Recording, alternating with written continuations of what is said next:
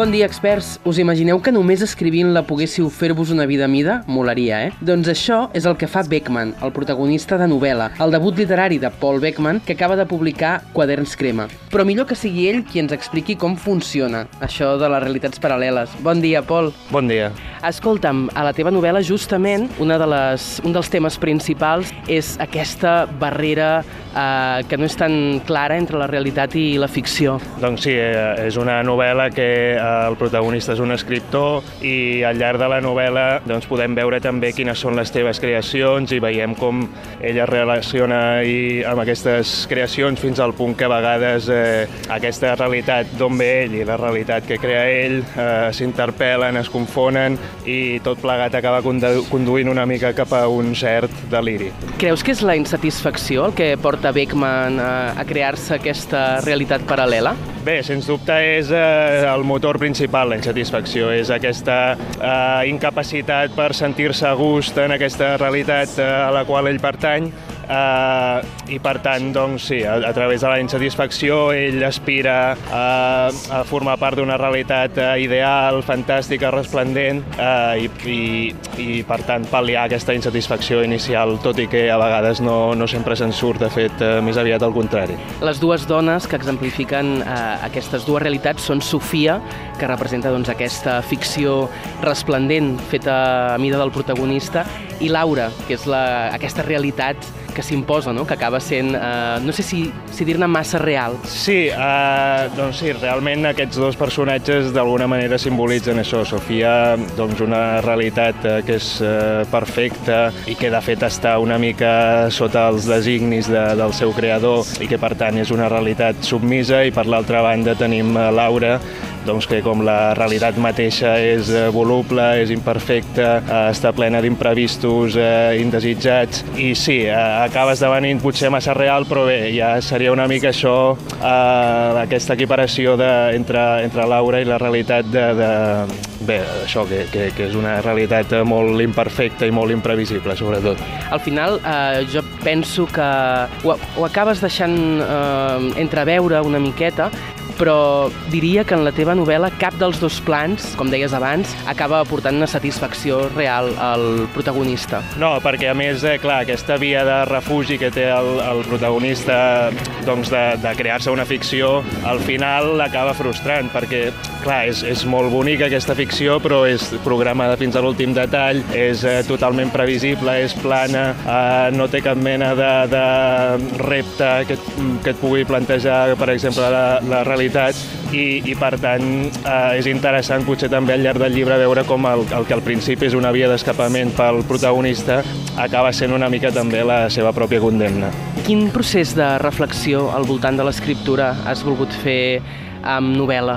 Bé, potser aquest, aquest, aquesta reflexió de fins a quin punt eh, l'autor s'ha de comprometre amb, amb la història que ell està escrivint, fins a quin punt s'ha de creure eh, aquella ficció que està narrant i, i potser jo aniria una mica més enllà i no parlaria només de, del procés de, de creació literària, sinó de, de, de la fabulació en general, d'aquesta necessitat eh, que tenim els humans per fugir de la nostra realitat a través de, de, de ficcions o de realitats alternatives. Eh, en el cas d'aquest protagonista és una cosa molt més extrema, però bé, jo crec que és un, un, una estratègia que, que tots, de supervivència que tots en algun moment fem servir a, a la vida. We must say goodbye. There's no need for you to cry.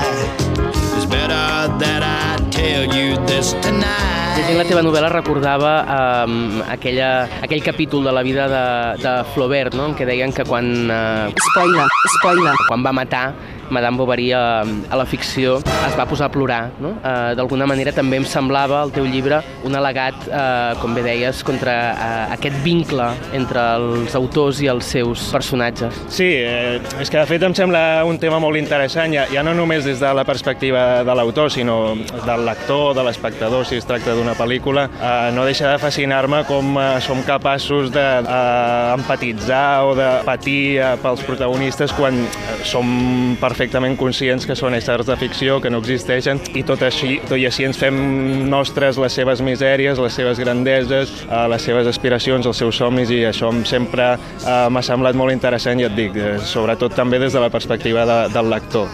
No, jo crec que no, no desvetllem gran cosa si diem que Beckman, el protagonista de, de la teva novel·la, com deies abans, eh, aquesta dualitat constant entre realitat i ficció el porta a una situació molt límit, no? en el que ell finalment ja no és capaç de discernir quina és una cosa i quina és l'altra, i fins i tot quan ell arriba a la realitat més punyent, més eh, aquesta mena de Twin Peaks que hi ha al final, fins i tot allà mateix no pot eh, escapar de la ficció absoluta. També és una, un dels temes que em semblen molt interessants del teu llibre.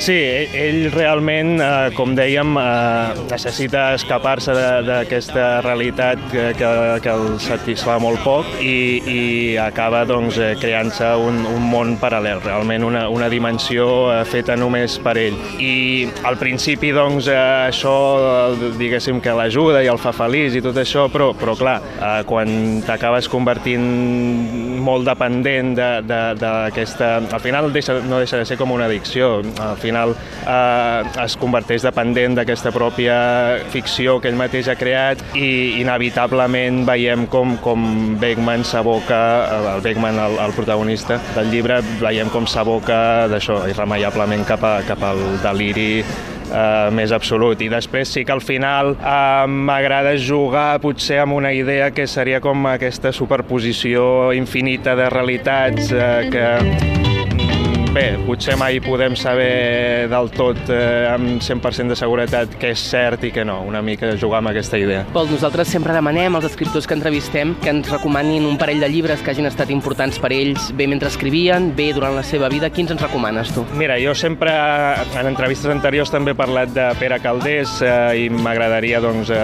el clàssic seria el, el Cròniques de la veritat oculta, és un llibre que el vaig llegir amb 12 anys, va significar per mi la porta d'entrada a la literatura de adults, vaig veure que la literatura per adults podia ser també fantasiosa i divertida i ocorrent, i un altre llibre que, que potser no he destacat tant aquests dies eh, ha estat el de Ensayo sobre la ceguera, que és de José Saramago, i va ser molt important, aquest el vaig llegir cap allà als 18 anys i, i, i va ser com un moment molt important perquè va ser quan vaig començar a escriure amb una certa voluntat literària.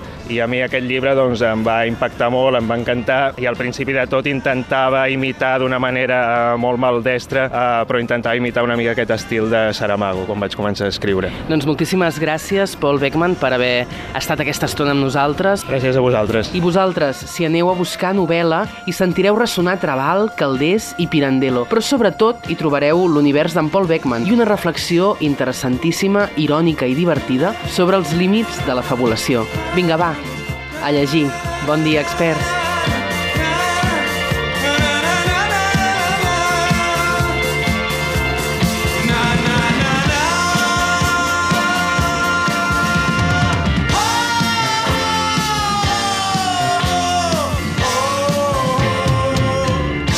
Els experts, amb Emily Dickinson i Emily Bronte.